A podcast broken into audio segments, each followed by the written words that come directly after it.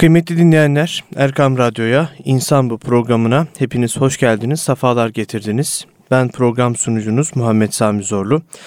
Klinik psikolog kıymetli hocamız Mehmet Dinç ile birlikteyiz. Yine İnsan Bu programıyla huzurlarınızdayız. Efendim hoş geldiniz, hoş sefalar bulduk, getirdiniz programımıza.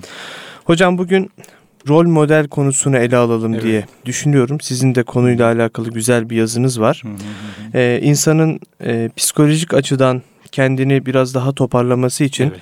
e, birisini rol model alması ne kadar önemlidir? Hı hı. Evet, Bu konuyu evet. e, dinleyicilerimizle paylaşır mıyız? Evet, Buyurun. Tabii memnuniyetle. Şimdi psikolojik anlamda güçlü olmak çok önemli. Biz geliyor, geliyoruz gidiyoruz şunu söylüyoruz temel olarak. Hayatta zorluklar olacak. Bu zorlukları imha etmemiz mümkün değil. Bu zorluklar olmadan yaşamamız mümkün değil. Evet. Dolayısıyla kendimizi güçlendirme meselemiz çok önemli. Yani zorluklar olsun ama biz onlarla başa çıkabilecek güçlü olalım. Nasıl yaparızın formüllerini, sırlarını, şifrelerini dinleyicilerimizle paylaşmaya çalışıyoruz. Bu noktada psikolojik dayanıklılık anlamında güçlü insanların belli özellikleri çıkartılmış yıllar yılı yapılan çalışmalarda. Bunlardan çok önemlilerinden bir tanesi e, zorluklarla mücadele etmiş insanların hayatlarını bilmek, okumak, anlamak, tanımak.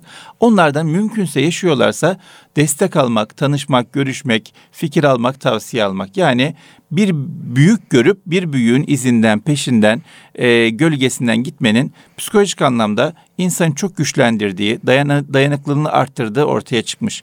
Bu noktada benim çok etkilendiğim Anadolu'da bir büyüğümüzden biraz bahsetmek isterim. Buyurun hocam. Ne kadar bu insanlardan bahsedersek kendimizin de psikolojik dayanıklılık anlamında güçleneceği kanaatine sahibim. Maalesef kötü insanların haberi çok daha hızlı yayıldığından, kötülük çok daha kolay meşhur olduğundan bir sürü insanlarla, insanlıkla alakalı kötülükleri biliyoruz.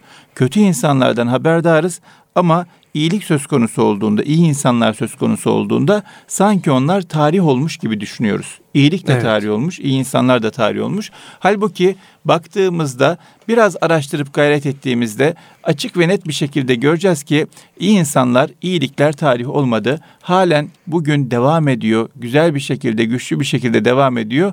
Görelim yeter ki, bakalım yeter ki, araştıralım yeter ki, gönül verelim yeter ki, kulak verelim yeter ki. Bu noktada işte e, bu büyüğümüzün, bu hoca efendinin hayatını çok kısaca dinleyi, dinleyicilerimizle paylaşmak isterim ki onu örnek almamız ve onun mücadelesinden kendimize ilham almamız mümkün olsun.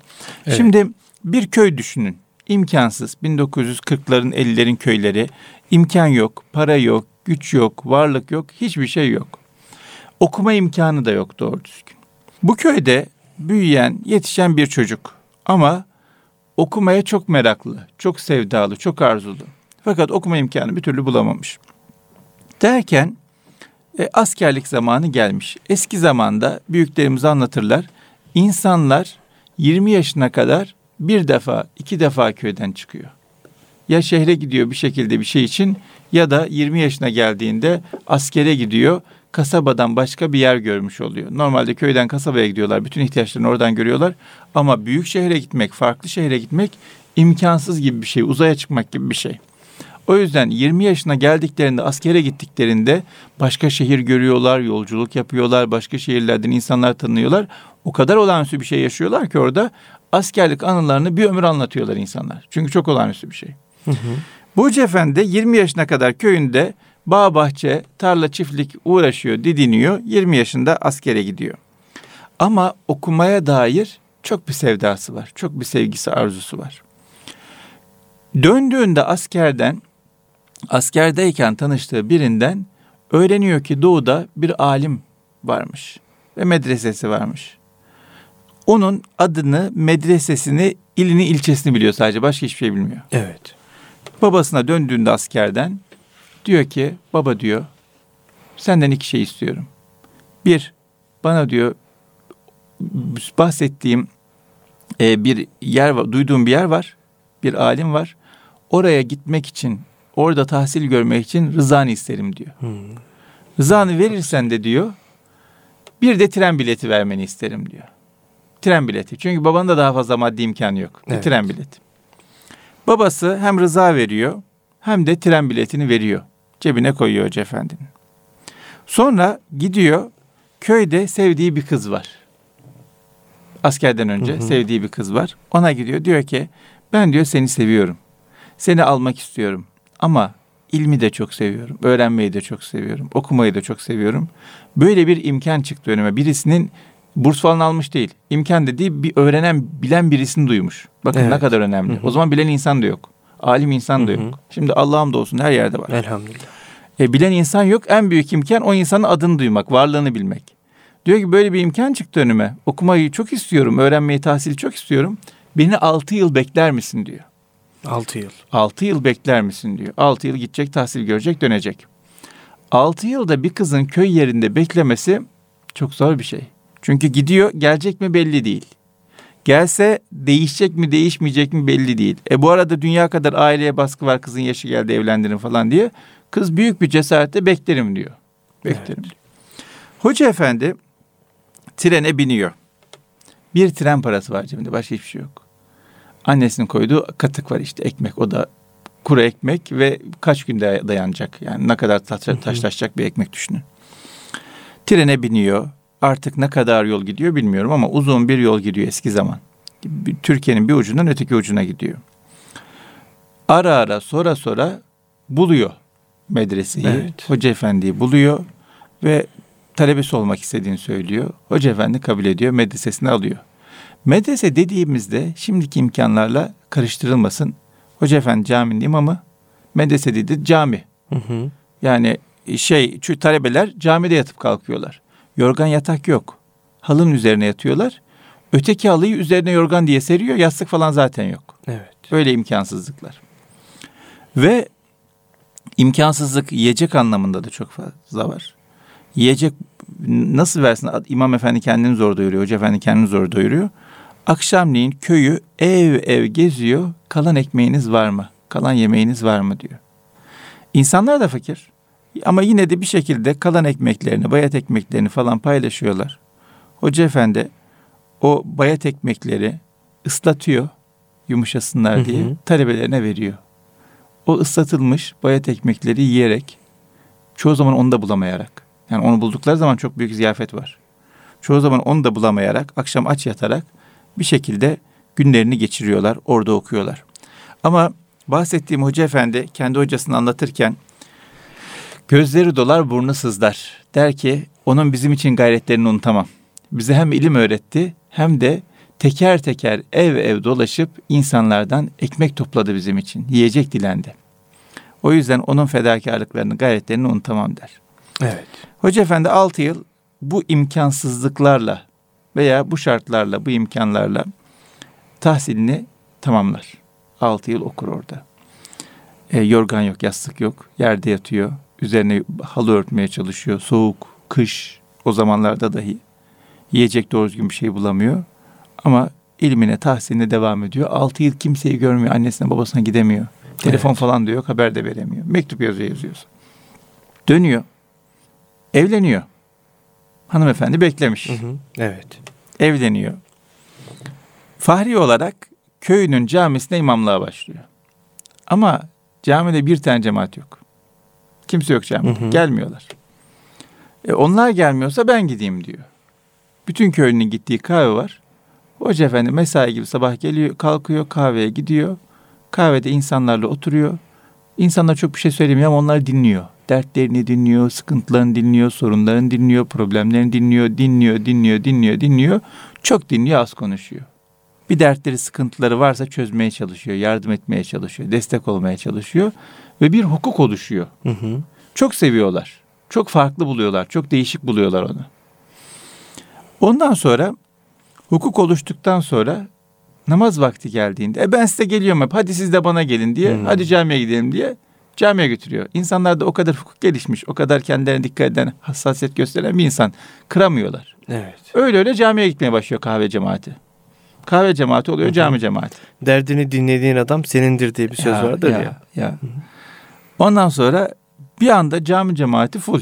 Bütün kahve cemaati cami cemaati olunca bu duyuluyor, yayılıyor. Müftü efendi de dikkatini çekiyor, kulağına gidiyor. Hoca efendiyi alıyor, ilçenin en büyük camisine veriyor. Oranın imamı ol diyor, resmi Evet. olarak Hı hı. imam ol, maaşı falan var artık var. Hoca efendi bir özelliği var, imamlık yapıyor. Vaazlarına çok çalışıyor. Çok araştırıyor. Hı hı. İnsanlara önemli şeyler anlatayım. Onlarla alakalı şeyler anlatayım. Onları ilgilendiren şeylerden bahsedeyim diye çok çalışıyor. Ama özellikle eski dönem darbeler falan olmuş, haksızlıklar olmuş, adaletsizlikler olmuş. İnsanlarla ilgili bu konuları da gündeme getirmek lazım. Getiriyor. Kürsüde çatır çatır her şeyi anlatıyor. Doğruyu Hı hı. anlatıyor, yanlış anlatıyor. Bu birilerini rahatsız ediyor. Hapse atıyorlar. Hocayı. Evet ama vazgeçmiyor. Anlatmaya, konuşmaya devam ediyor. Halk da çok seviyor. Bir şekilde baskı yapıyorlar. Bir süre sonra çıkıyor. Halk yine sahip çıkıyor.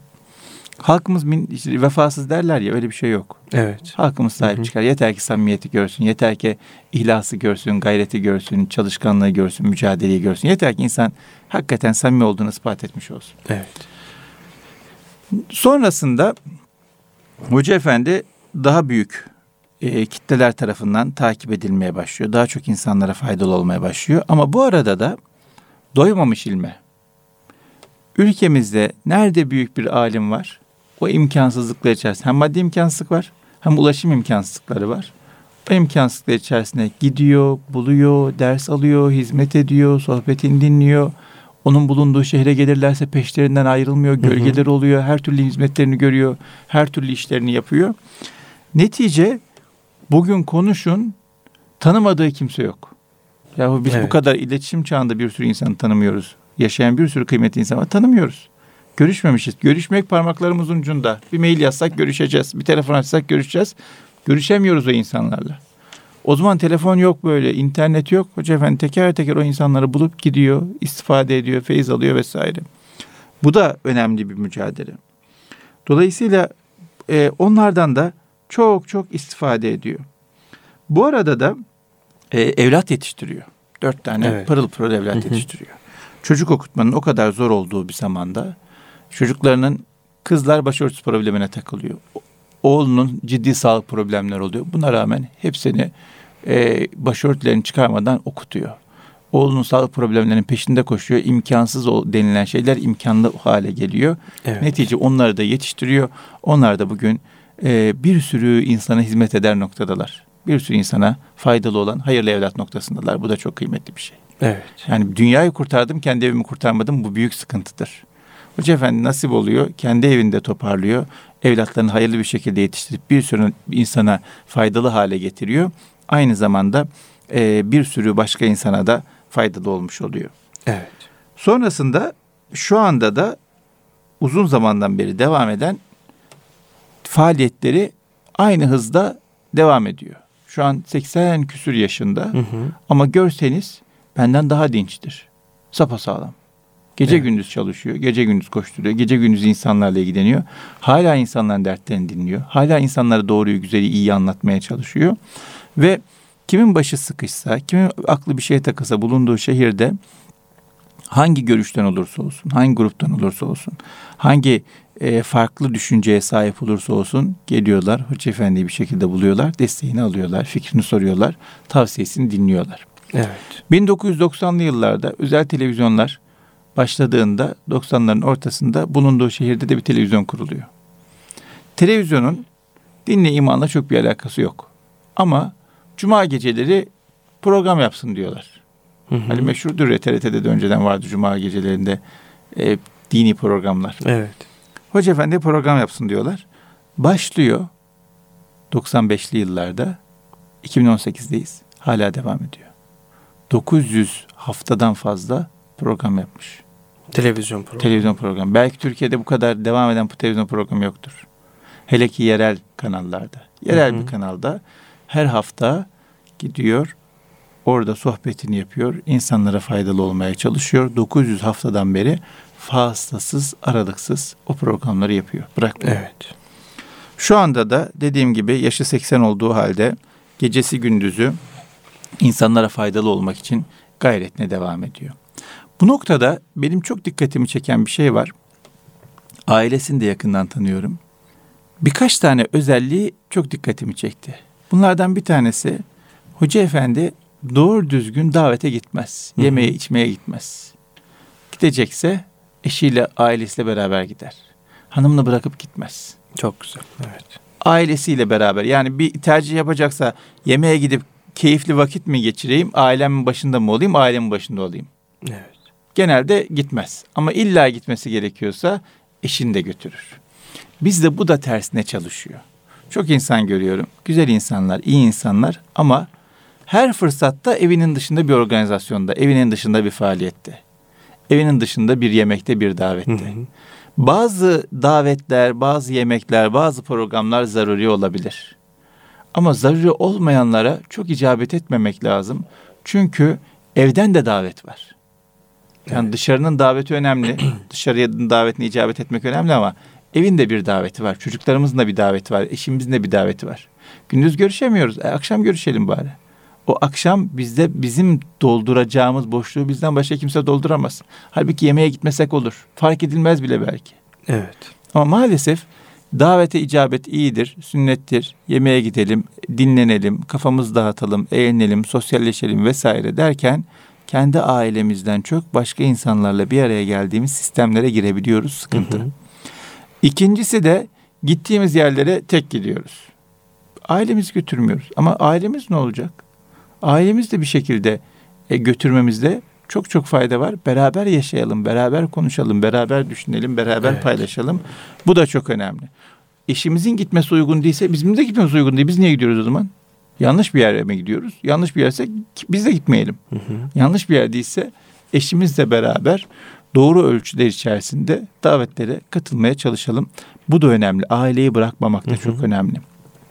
Netice bugün yine benim gördüğüm yakinen bakın 80 yaşında bir insan dünya kadar zorluk çekmiş, dünya kadar yokluk çekmiş, dünya kadar sıkıntı çekmiş. Maddi anlamda sıkıntı çekmiş. Sağlık anlamında evlatlarının sağlığıyla sınanmış. Evet. Ee, öteki taraftan çocuklarının okuma problemiyle sınanmış. Başörtüsünden dolayı okuyamamışlar. E kendisi hapse atılmış. Dünya kadar sıkıntı. Hepsi ayrı ayrı sıkıntı. Hayatın her döneminde sıkıntı olmuş. Bu tür sıkıntıların binde biri şu an boşanma sebebi haline gelebiliyor. Evet. Şu an evlilikleri bitirme sebebi haline Hı-hı. gelebiliyor. Ama baktığımda ben hoca efendi ve eşi halen birbirlerinin gözüne bakarken sevgi dolu bakıyorlar.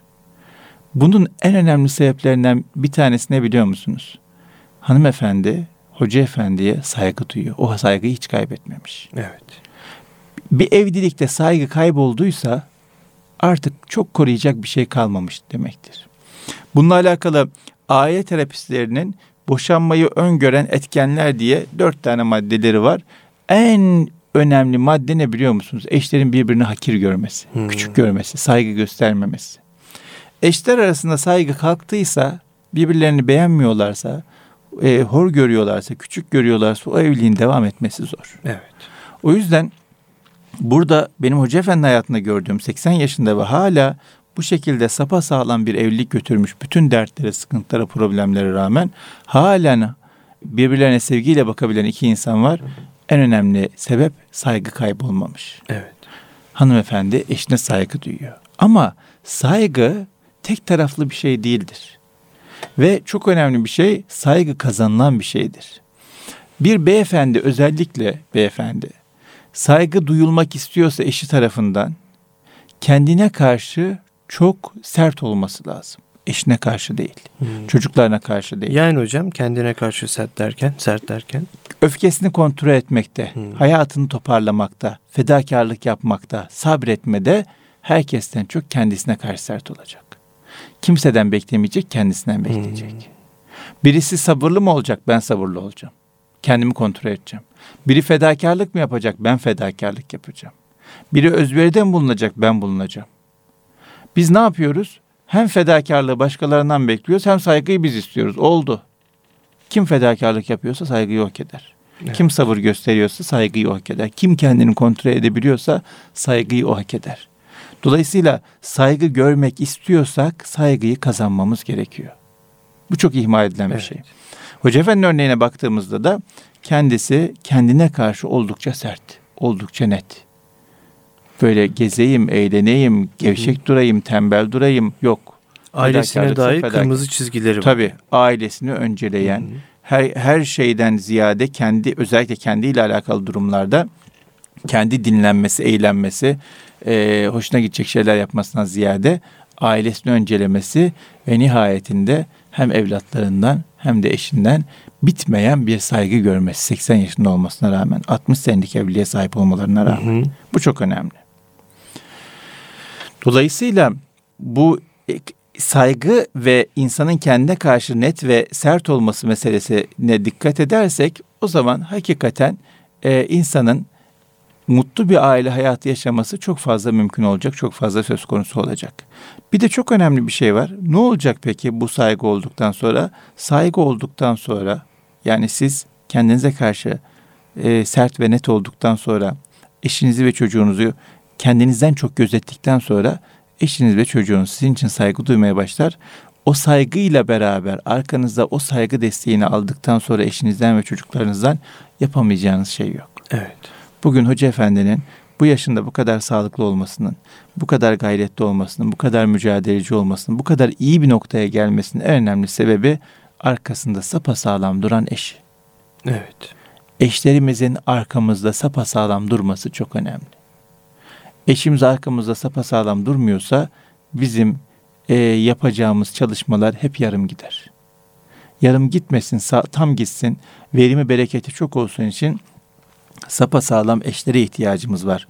Arkamızda duracak ama bunun içinde kendimizden çok onları gözeteceğimiz, kendimizden çok onları koruyacağımız, kendimizden çok onları hoş göreceğimiz, kendimizden çok onları yumuşak olacağımız, kendimizden çok onlara ilgi göstereceğimiz, kendimizden çok onları düşüneceğimiz bir sistem kurmamız lazım. Evet. Öbür türlü benim etrafımda dönsün her şey ama ben bir şey yapmayayım böyle bir şey olamaz. O yüzden temel formül belli. Ben eşimi koruyacağım, gözeteceğim. Hı hı. Kendimden çok onu önceleyeceğim. O bana saygı duyacak. Ondan sonra önüme ne gelse üstesinden gelirim Allah'ın izniyle. Aşamayacağım zorluk olmaz. Evet. Ama bunlar olmazsa, ben bencil olursam, kendimi düşünürsem, eşimin bana sevgisi, saygısı olmazsa en ufak bir su birikintisinde boğulur kalırım. Okyanusları aşabilecekken hı hı. derede kendimi kaybeder hale gelirim. Evet. O yüzden e, yaşanmış, yaşanan bir gerçek var karşımızda güzel, harikulade bir örneklik var karşımızda. Bu örnekliklerden istifade etmek lazım, ilham almak lazım, hı hı. destek almak lazım. Bu örneklikleri hayatımıza nasıl taşırız, nasıl o, o, örnekliklerden istifade ederiz, onları düşünmek ve uygulamaya çalışmak lazım.